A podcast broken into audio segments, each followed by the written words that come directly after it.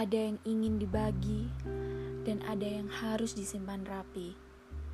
Kepada siapa aku harus bercerita, di mana aku harus menyampaikan rasa.